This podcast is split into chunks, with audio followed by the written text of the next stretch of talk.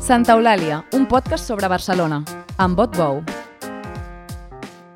Barcelona no fa de capital cultural de Catalunya. Ni Pujol, ni Maragall, ni Tries, ni Colau. O no els interessa o no se'n surten. El resultat és aquest que el professor Marc Roig resumeix també el títol del seu llibre, Barcelona, cultura sense capital, editat per publicacions de l'Abadia de Montserrat. Quines polítiques s'haurien d'haver fet i no s'han fet?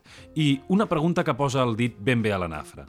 Per què, si la cultura és un factor clau en la conformació de la identitat catalana, se li dona tan poca importància? Tot seguit, Marc Roig a Santa Eulàlia.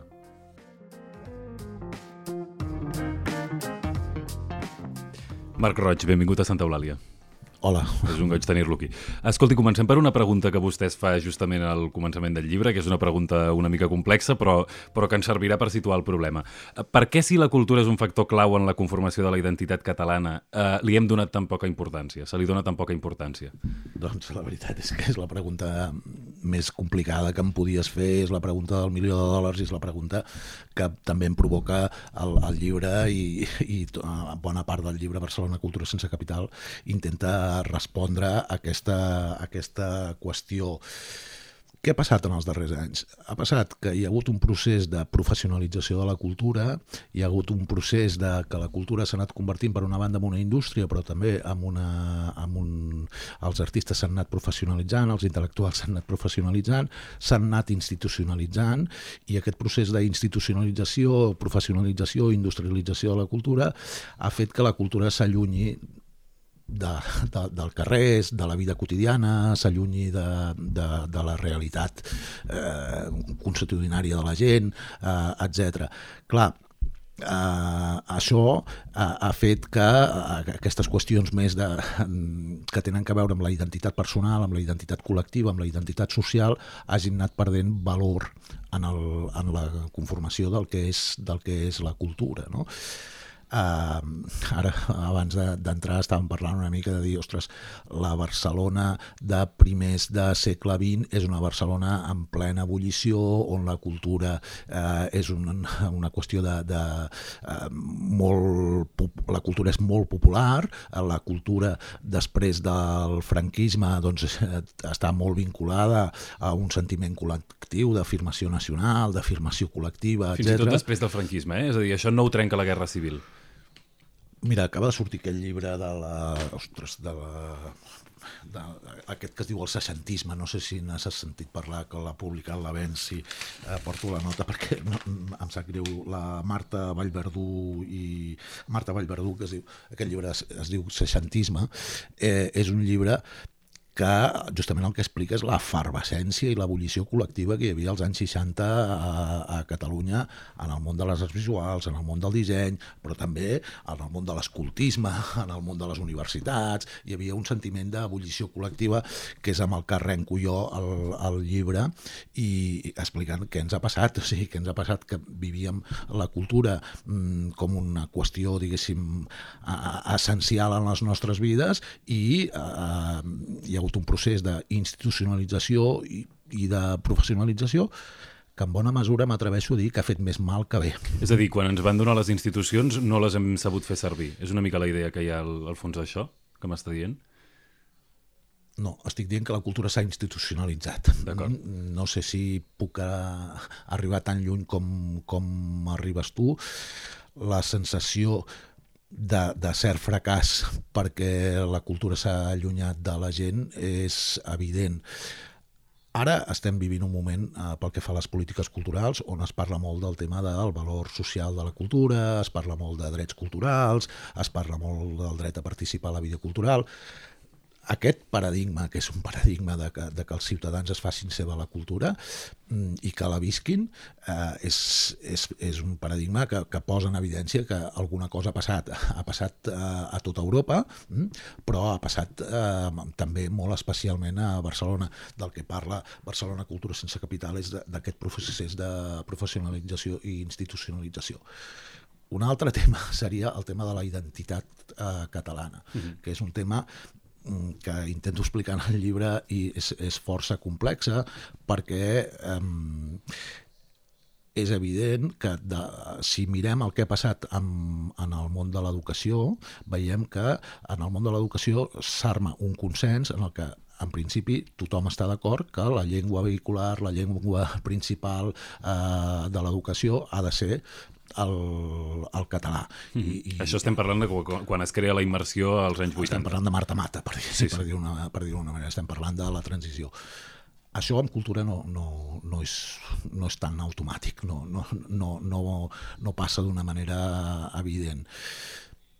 I, i, i, i el que explica el llibre és com als anys 80 eh, el que passa és que el Pujol fa una política mm, en, en principi, diríem, de tall nacionalista, però no defensa els grans eh, valors i els grans noms de la cultura catalana, sinó que fa una, una cultura més de tall tradicionalista, folclòrica, etc. Té por d'afirmar els grans noms de la cultura catalana, d'afirmar eh, d'imposar, diguéssim, els, els noms propis de, de la cultura i de la literatura catalana i l'estratègia de Barcelona, Ajuntament de Barcelona, Pasqual Maragall, és una estratègia on la cultura eh, és l'instrument per la internacionalització de la ciutat, per mm, convertir Barcelona en una marca, en una postal eh, turística. I la, les grans inversions en cultura, es diguin MACBA, es diguin CCCB, els grans equipaments, eh, serveixen més a, a, a crear aquest model Barcelona, a crear aquesta, aquesta marca i per tant es treballa amb una cultura cosmopolita, una cultura internacional, una, una cultura doncs, de, que, que intenta jugar a les lligues europees i en aquest procés eh, s'oblida de fer un, un, un, una qüestió essencial en l'agenda que és a treballar a favor de la, de la cultura pròpia, a treballar a favor de la cultura catalana i en un moment molt delicat, perquè als anys eh, 70 i 80 hi ha hagut uns processos migratoris molt forts, eh, la, la qüestió d'incloure aquests nous vinguts en la cultura del país, en la cultura pròpia de Catalunya... No s'aconsegueix del tot. Eh, no, no, no, no acaba de funcionar. No, no, no, per, per, què, per què Pujol i Convergència tenen aquesta por, aquesta incomoditat amb, el, amb la intel·lectualitat i amb el món cultural i amb les polítiques culturals? Vostè, vostè per què creu que tenen aquesta por? és, és, és, m'estàs fent les preguntes més difícils, eh?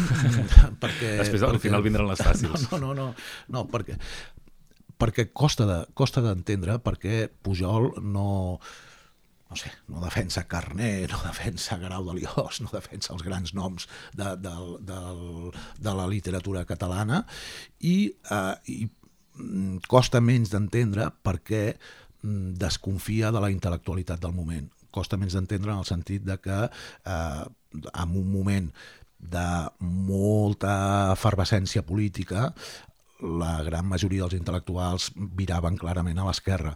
I, eh, per tant, eh, Pujol eh, desconfia de, de, de tota una sèrie d'intel·lectuals que, que, que, no, no, no, que, que es, que es posicionen més a la línia de l'esquerra, de Maragall, eh, etc. grosso modo. Vostè parlava abans, de, de, i en el llibre en parla també d'una contraposició entre la idea de fer ciutat i entre la idea de fer país. Um, Expliqui'm-ho millor això, però, però deixi'm fer una pregunta. No, no pot ser també que Pujol tingués por que si permetia una Barcelona massa, diguem-ne, oberta i massa desconnectada del país, que si, si Barcelona i el model que els socialistes tenien per Barcelona no tenia un contrapès prou fort, uh, la cosa s'aigualiria i, i, i Barcelona uh, es convertiria, s'espanyolitzaria, diguem-ne? Jo, jo no sé si, si intentaré respondre't, eh, però Mm, o sigui, jo el que veig és que la... A veure, per dir un número, eh, és que ara no recordo la data, però quan arriba Frederica Montseny de l'exili, eh, em sembla que és mig milió de persones al carrer. Eh, quan hi ha les jornades llibertàries, eh, també un milió de persones al carrer. Això estem parlant de finals dels 70. Eh, el, el moviment d'esquerres, de, de, de, de, de, el moviment llibertari, el moviment anarquista, eh, etc era, era molt potent en, els, en el seu moment. Després s'aigualeix, però si, no sé si si recordes l'exposició aquesta de la Barcelona Underground que es va presentar que de comissaria de Pablo Pérez Ribas, eh, et donaves compte de, de la anava a dir, de la virulència, de la força eh, que tenien els moviments d'esquerres en aquell moment i per tant era lògic que el Pujol eh, actués, era lògic, era comprensible que el Pujol actués amb molta, amb molta cautela. És a dir, que hi ha una lectura respecte. possible en què és simplement una por electoralista i una por de, de, de politiqueig, per entendre'ns. Jo crec que sí, sí, sí. sí, Que sí. principalment és això. Sí, el tema de l'espanyolisme és que es fa molt complicat de, de plantejar en un moment en què la paraula independència no tenia cap sentit en els anys 80 i en els anys 90. Eh? Per tant, mm, no hi havia... El Pedrolo era independentista, però ho dic en broma, eh? però vull dir que, que no hi havia un sentiment de, ni, ni de països catalans ni d'independència. Però vostè sí que diu, per exemple, o, o, que... o hi era, però hi era molt soterrat. Eh? Vostè sí que diu, per exemple, important. que un dels, un dels problemes en aquell moment, i i ara, que arrosseguem des d'aleshores, és que no s'han fet polítiques culturals des d'una òptica nacional, diguem-ne. Sí, o sigui, eh, per mi té sentit parlar d'aquest d'aquesta contraposició que jo faig entre fer ciutat i fer país. M'estic preocupant ara que els oients diguin ostres, aquest senyor ha escrit un llibre d'història. No, no, parlarem no, no, no ha d'actualitat. escrit un llibre d'història, ha escrit un llibre del que està passant avui. Però és veritat que el que passa als 80 i als 90 és que es contraposen dos models mm, de política cultural, que un és fer país i defensar les essències de la, de la catalanitat, etc, i l'altre és fer Barcelona una ciutat internacional i etc. Això el que ha generat és el, el model Barcelona, no? aquest model d'aquesta eh, lògica instrumental de la cultura que eh, arrosseguem eh, fins avui, eh? la, la, la preocupació perquè Barcelona estigui en el rànquing de grans ciutats, eh, etc. Eh, clar, eh, el Pujol governava a pobles i ciutats mitjanes, el Maragall governava a Barcelona. La Diputació de Barcelona era socialista, amb la qual eh, si tu mires el, les inversions en cultura, eh, era molt... Si tu sumes Diputació de Barcelona i Ajuntament, a, a Barcelona mm, doble, però és que fins i tot en termes mm, generals la- l'aposta cultural que controlava el Maragall, per dir-ho amb, amb Ajuntament i amb Diputació, era molt superior a la que controlava el Pujol, molt mm. superior. El que és, costa molt d'entendre és perquè el Pujol en una lògica nacionalista no fa una aposta per la cultura i la cultura catalana, és a dir, la, fins, fins dos mm, fins fa quatre dies ens hem mogut en el 0,7% en, en cultura. L'Ajuntament s'estava movent per sobre del, del 6, del 8, eh, en números molt més grans. La Diputació s'estava movent per sobre del 10% de, de tal. El Pujol té una, una actitud a la defensiva, mm, ridícula, eh, absolutament... Eh, eh, no, no, no, no fa una aposta cultural forta i, i, i és el que parlàvem fa una estona estem davant d'una de les cultures grosses europees, és a dir, eh, a nivell eh, europeu, doncs per, per quantitat de parlants eh, i etc.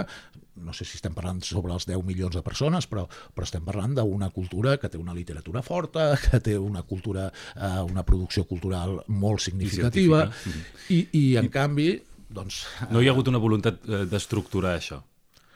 Clarament no hi ha hagut una voluntat d'estructurar això i, i si tu et mires els grans equipaments de cultura no, no són els grans equipaments nacionals que fan d'equipaments capçalera a partir dels quals s'endreça el reste de política cultural, el reste d'equipaments de, de, de, culturals.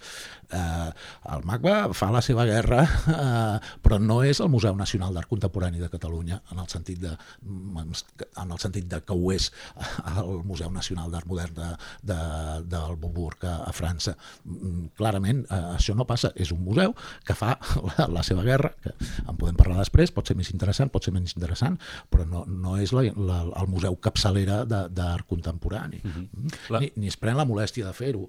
Si, si tu ara mires, i potser ho dic per connectar-nos una, mica més amb la realitat, no?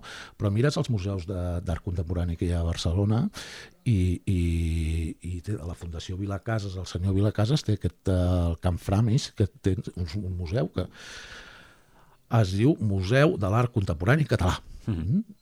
Clarament. I hi ha els grans noms de l'art contemporani català. podes estar a favor, més a favor o en contra. A mi, eh, evidentment, hi ha figuratius, eh, no li interessen les coses més alternatives, més eh, radicals, més etc. És, és un museu molt de, de noms propis de, de l'art català, i, i, i què, què li ha passat al MACBA? Que el MACBA ha anat fent la seva guerra, que em sembla molt bé la guerra que ha fet el MACBA, eh? Però li ha sortit un bolet que s'ha creat la burgesia catalana, que, és un, un, que són els grans noms de, de, de l'art contemporani català. I a l'altre costat tens un museu que és el MOCO, que és uh, un museu de màrqueting experiencial, per dir d'alguna manera, de, de noms que sonen, molt turístic, que arribes a l'aeroport i et trobes... I el primer cartell és El primer cartell és del Moco, no? Amb grans noms. Eh, és un museu que, que tracta l'art amb una lògica d'entreteniment experiencial, no? d'experiència d'entreteniment. No? bueno, aquests dos bolets que li han sortit en el MACBA són producte de, de, la, de les polítiques que, que ha fet el, que, que hi ha hagut a, a, amb art contemporani Avui Insisteixo, aquesta... eh, no, el MACBA ha fet una batalla que era la batalla que li tocava fer en el sentit de, de plantejar un nou model de museu, etc. però és evident que el Manolo Borja, el, la realitat catalana, la identitat catalana eh, i el nacionalisme català, o sigui, se'l despatxava en 5 minuts. O sigui, no, no li interessava ni un borrall. Mm. El Manolo Borja, que, que, que és un, un una figura, diguem-ne, reivindicada culturalment per aquest Ajuntament. I ara, ara li anava a demanar, de fet, eh, aquesta, la, la tensió actual avui amb, la, amb, amb els dos models culturals que hi podria haver a Barcelona, amb els museus, per exemple, amb això que posava l'exemple tan visual del cartell de, de l'aeroport, és això? És, és aquesta dicotomia entre pensar en una cultura de cara als turistes, de cara al, als ciutadans espectadors, o amb una, amb una cultura eh, capilar i, i popular? Sí, aquest és el dilema. Aquest és el dilema d'avui.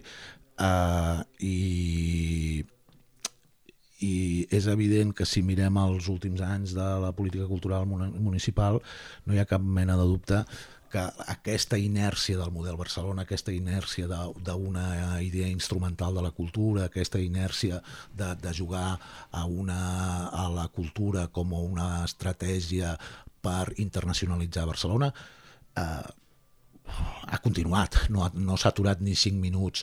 Ara, ahir vaig rebre una invitació, perquè no sé, suposo que ho has rebut tu, celebren l'any Picasso, l'any Miró i l'any Tàpies, un darrere l'altre. Clar, són grans noms, tal, és continuar la mateixa estratègia de l'any Gaudí, l'any Miró, és a dir, d'anys temàtics, de grans noms, d'estratègia de, d'internacionalització de la ciutat, etc això no, no, no, no s'ha aturat amb, amb, amb la anava a dir amb la revolució Colau, amb, la, amb, amb, amb, amb, la, amb el model de transformació que semblava que, que, plantejava, que plantejava Colau, que justament arriba al, a l'Ajuntament criticant el model Barcelona, criticant la marca Barcelona, criticant l'estratègia eh, urbanística eh, que de la ciutat mentidera, mentidera que, que de, la, de la que ens parla Delgado. I després creu que l'acaba... Un, un segon, sí. només jo crec que l'Ajuntament de Barcelona fa com una mena de doble joc, perquè per un costat parla molt de drets culturals o diu moltes coses això, o, sí. o fa moltes referències als drets culturals després quan ho analitzes al detall et dones compte que és una capeta de pintura perquè a nivell de pressupost és, és una, a nivell de percentatge en el pressupost és una quantitat uh, ridícula és una quantitat poc uh, significativa Ha baixat molt respecte del, de, de l'època de l'hegemonia del PSC que vostè descrivia abans? O sigui, mira, si tu mires l'evolució pressupostària perquè fa els centres cívics en els darrers 30 mm, anys, o sigui, des de que es construeixen fins avui, les variacions pressupostàries són d'un 1 un 2%. És a dir, que eh, hi ha continuisme absolut. Els socialistes fan una aposta relativa pels centres cívics, després perquè la gran aposta dels socialistes són els grans equipaments, Uh, després els convergents es mouen en, amb una aposta semblant i després dels vuit anys dels comuns són uh, és evident que, que, que no hi ha hagut una aposta per la cultura de proximitat, no hi ha hagut una aposta pels centres cívics, no sé si recordes ara es va fer aquest, uh, aquest congrés que es deia Culturòpolis sobre els drets culturals, la mm. mala pata va fer que quan es va inaugurar hi havia una manifestació dels treballadors dels centres cívics que estan en una situació precària, que estan en una situació doncs, de, endèmicament gestionats per empreses de gestió indirecta i, i vull dir, si, si amb les biblioteques es va fer un esforç gran, amb la cultura de, de proximitat, amb la participació, etc sembla que ara sí estan posant amb el tema dels drets culturals, però, però són, o sigui, tu mateix ho estaves dient fa un moment, no, no, no es pot nedar i guardar la roba. És a dir, si tu estàs jugant a la Barcelona marca i estàs jugant al model Barcelona, després no pot ser un partidari d'una altra, una altra manera d'entendre la cultura que és radicalment diferent, que és la proximitat, que és la participació dels ciutadans, que és la, la cultura comunitària. No, no es pot jugar a les dues divisions perquè són, són dos models eh, radicalment, eh, radicalment oposats. I, I vostè creu que Colau ha tingut por de tenir un... o por el que sigui, de, tenir, de, de defensar defensar un model cultural propi per la ciutat que l'ha acabat, per exemple, el seu regidor de Cultura, Jordi Martí, venia, del, venia dels socialistes. Uh, I vostè parla d'aquest... Uh, ara més tard en podem parlar, si vol, però mm, parla uh, d'aquestes uh, figures que fa molts anys que remenen les cireres. També posa, ell, vostè ho explica a través de l'exemple de Ferran Mascarell, uh, però, però en el cas dels comuns això també es veu molt clar, com acaben absorbint una, una part molt important dels socialistes, uh, no sé si com un, com un senyal a, a qui sigui que mana més que ells, que, que, que, que tranquils, que, que no farem coses gaire diferents als socialistes no? en aquesta ciutat? Uh, Colau arriba fa 8 anys a les eleccions uh, com a producte del moviment 15M, com a producte d'un moviment de renovació uh, social, política, popular uh, molt potent, d'un moment de, de, de revolució veïnal, per dir-ho d'una manera, en la que sembla clar que l'aposta és jugar uh, al costat dels ciutadans, eh, governar amb els ciutadans i no governar pels ciutadans, per dir-ho en paraules de, de, de Colau. La política municipal en cultura ha sigut quan menys erràtica, quan menys, mm, és a dir, eh, arrenquen primer amb Berta Sureda, que no és regidora de Cultura, sinó que és comissionada de Cultura. La Berta Sureda s'estrella perquè intenta fer projectes participatius i no acaben funcionant, i a més perquè... Per què no funcionen? Perdó no funciona per una raó eh, evident, que és que, ara en, en podem parlar, eh, eh, perquè la professió no ho veu bé, perquè els professionals, perquè els artistes, perquè els creadors, no, no, perquè la patronal eh, no, no, no, no, no, no se sent còmode amb estratègies participatives, la qual cosa té molt sentit. Mm? Eh, fa una estona t'estava dient, som, o sigui, a veure, l'aposta pels drets culturals, fins ara, tant la Generalitat com l'Ajuntament han jugat al recolzament al món professional, el recolzament al món de les arts, en, en, en els sectors professionals, el recolzament a les patronals, etc. Treballar pels drets culturals és dir, no, no, no, no. Els artistes han d'estar al servei de la ciutadania, de la, de la vida comunitària. I la prioritat no són els artistes, la prioritat són els ciutadans. Per això et dic que és, que és una posició contraposada. Eh? Hi ha alguna ah, ciutat que funcioni així? Quan que, vostè pensa en aquest... Deixa'm, quan vostè defensa deixa'm, això... Deixa'm acabar l'argument anterior i després mm, per, per respondre't sí, completament, sí, sí, sí. Eh? per no...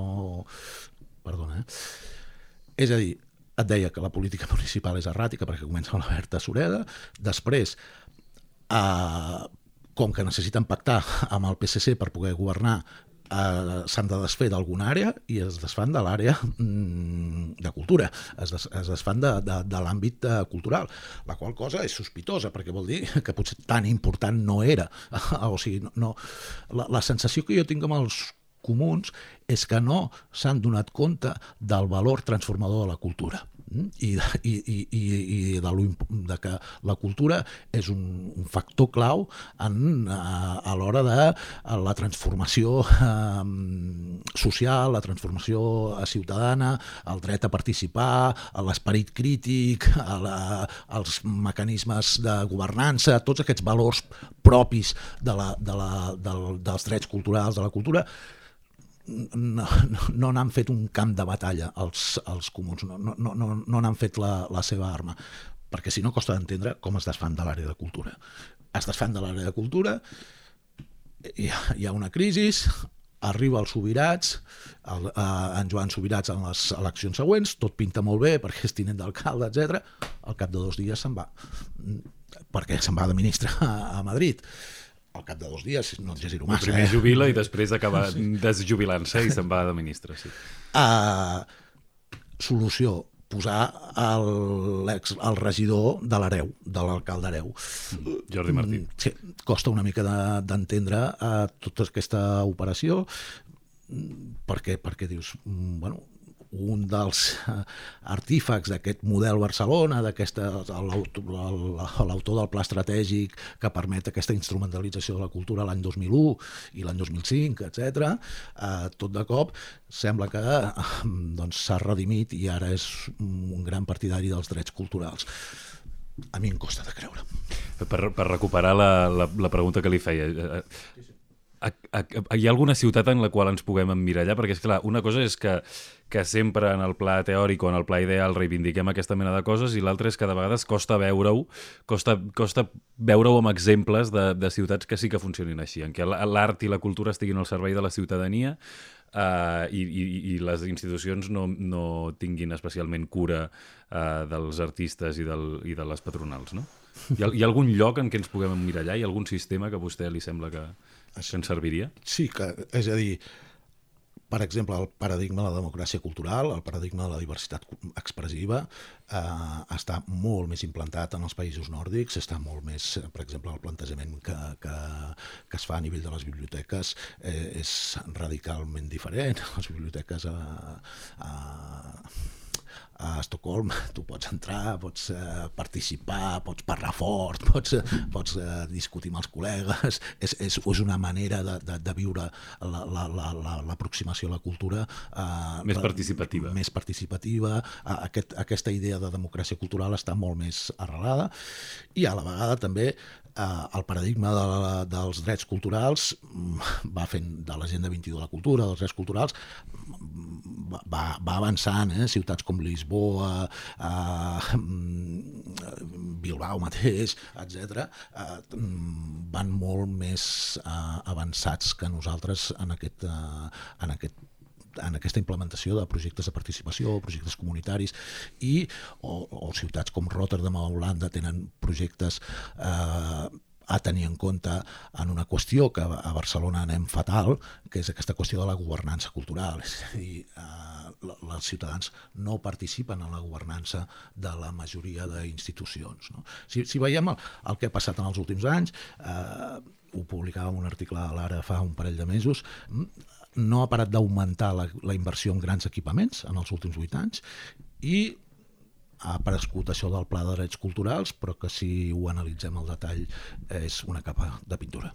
Deixi'm posar una, donar una dada interessantíssima que vostè dona, interessantíssima o, o més aviat demolidora que vostè dona en el llibre ara que parlava dels països nòrdics, que és um, la inversió dels governs en cultura per, per persona, Dinamarca 880 euros, Suècia 607, Holanda 500, França 476, Regne Unit 233 i Catalunya 30. Um, que, això que ara ho podem comentar, però uh, combinat amb el tema de la governança, no sé, no sé fins a quin punt si és abans l'ou o la gallina, no? diguem-ne, perquè, perquè vostè també hi ha un moment que es demana si, si no és que potser els catalans i els barcelonins eh, simplement potser no els interessa, potser no els importa participar d'aquesta governança cultural, o potser, han, potser les, les institucions els han eh, domesticat tan poc o els, els han donat al revés, els han deixat volar tan poc que ja eh, ens hem submergit en una mena d'apatia i en una mena de desconnexió que ja ni tan sols ens interessa, no? Sí. Uh, insisteixo, eh, la cultura és un factor clau en les nostres vides, si la tenim incorporada a les nostres vides, si, si, la, si entenem que la cultura és eh, participar a l'associació de veïns, però també és la festa major, però també és eh, fer una flash mob al parc amb uns eh, col·legues, si entenem que la cultura, eh, a més, en el, món de, en el cas dels francesos, per, per ells la, la, la cultura francesa és un element clau de la identitat, com a, de la seva identitat com a francesos. No? Això a Catalunya no, no, no ha passat, no, no, no, no, no s'ha jugat aquesta carta de dir un element clau de la identitat catalana és la cultura. I, i si et mires una mica el que ha passat en, en, els, en els anys del procés, dius, és una mica raro que eh, s'hagi fet una aposta tan a favor de la independència, però en canvi no s'hagi fet una aposta forta en la identitat eh, i en la, a, a favor de la cultura catalana a nivell de governs i, si m'apures, a nivell d'òmnium cultural també. Vull dir, no, no, no, o sigui, que té tot molts diners i de ens, vegades ens costa de veure despertem, ens despertem i descobrim que la situació del català és patètica i això, sortim de la pandèmia, jo et deia que hi ha molts, alguns números en el meu llibre que mm, la gent llegia el llibre, ostres, no, no ho sabia, i ara no paren d'aparèixer eh, Sobre l'ús del català, diguem abans, de la, abans de la guerra, que era un 90%, abans m'ho deia, un, vora d'un 90% de parlants de català a Barcelona, i ara mm, pràcticament menys de la meitat. Sí, això també t'ho explicava per una qüestió que, que crec que és important de situar eh, en relació al, al... És a dir, eh, com explica Xavier Albertí, eh, fins a la Guerra Civil hi ha una cultura popular catalana que és potent, i, eh, però és clar és que estem parlant de que el 90% de la gent eh, era catalanoparlant i per tant el fenomen de la diglòsia que tant en parlem ara eh, no existia. I va haver per l'exposició internacional una primera onada migratòria sobretot de murcians i de gent de València, etc que, es, que es van assimilar bé per dir-ho manera, que es van, van quedar inclosos en la, en la, en la vida social catalana. Mm, clar, això passa als anys eh, fins als anys 30 a finals del segle XX es produeixen uns moviments migratoris que provoquen doncs, això que 40% de la població, 30-40% de la població és, arriba d'altres eh, àrees de l'estat espanyol.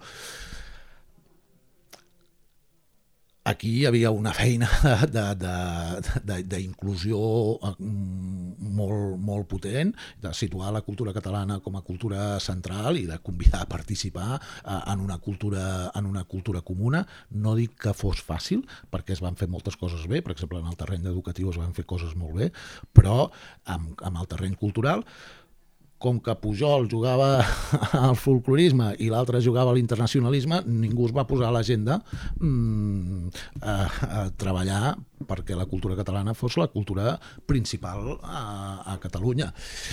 Mm, I clar, a, a, a, la, la situ... a més, la situació que ens trobem ara, en el llibre m'hi entretenc amb més, amb més detall, és mm, la globalització per una banda, la internacionalització i la globalització, la majoria de coses que consumim són productes de multinacionals, eh, etc.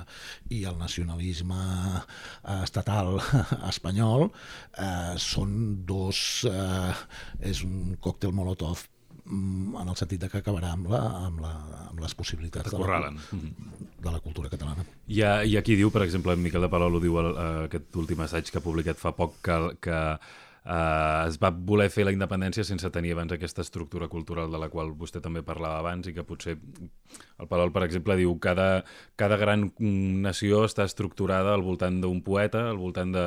Eh, I aquí, doncs, per exemple, a Llull hi ha una ignorància extraordinària sobre la figura de Llull, no? Ho dic perquè vostè també es demana quants catalans saben qui és Gabriel Ferreter, quants catalans saben qui és Eugeni d'Ors, quants catalans saben qui és eh, David Vilaseca, que és més recent i més desconegut.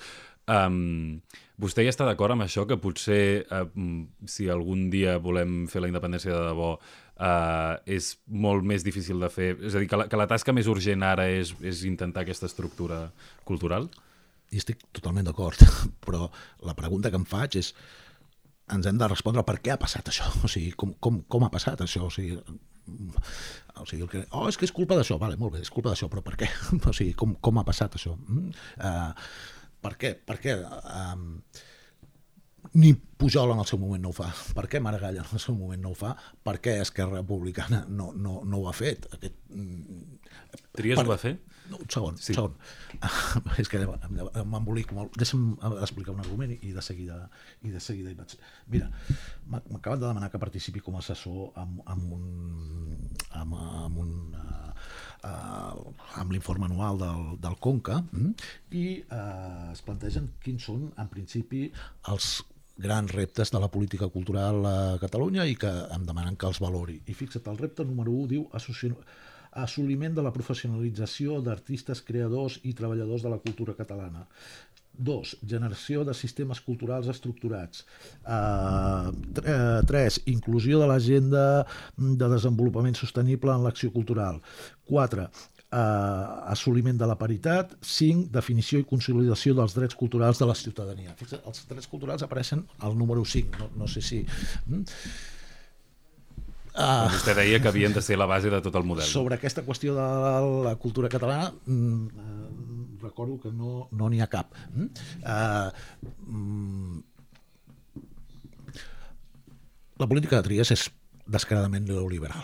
Eh? Uh, uh, per, per, no, per no oblidar la pregunta que em feies, és, és descaradament uh, en la mateixa línia de la ciutat marca, del model Barcelona, uh, fins i tot amb el tipus de, de, de amb l'equip que rodeja és un equip que fa una estratègia clarament de eh, promoció del talent, promoció de la creativitat, la ciutat creativa, eh, sense cap mena de dubte. Mm -hmm.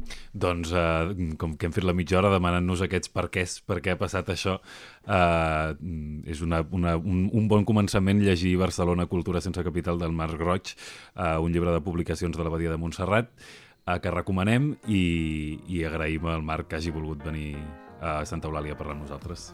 Doncs moltes gràcies a vosaltres. Recordeu que els oients ens podeu enviar comentaris i suggeriments a l'adreça de correu electrònic santaeulàlia.vilaweb.cat i el llibre de Marc Roig, Barcelona, Cultura sense capital, el podeu trobar a les llibreries. Gràcies. Santa Eulàlia és un podcast de VilaWeb presentat per Otbou amb Carles Garcia al servei tècnic i a les veus Maria Castanyer.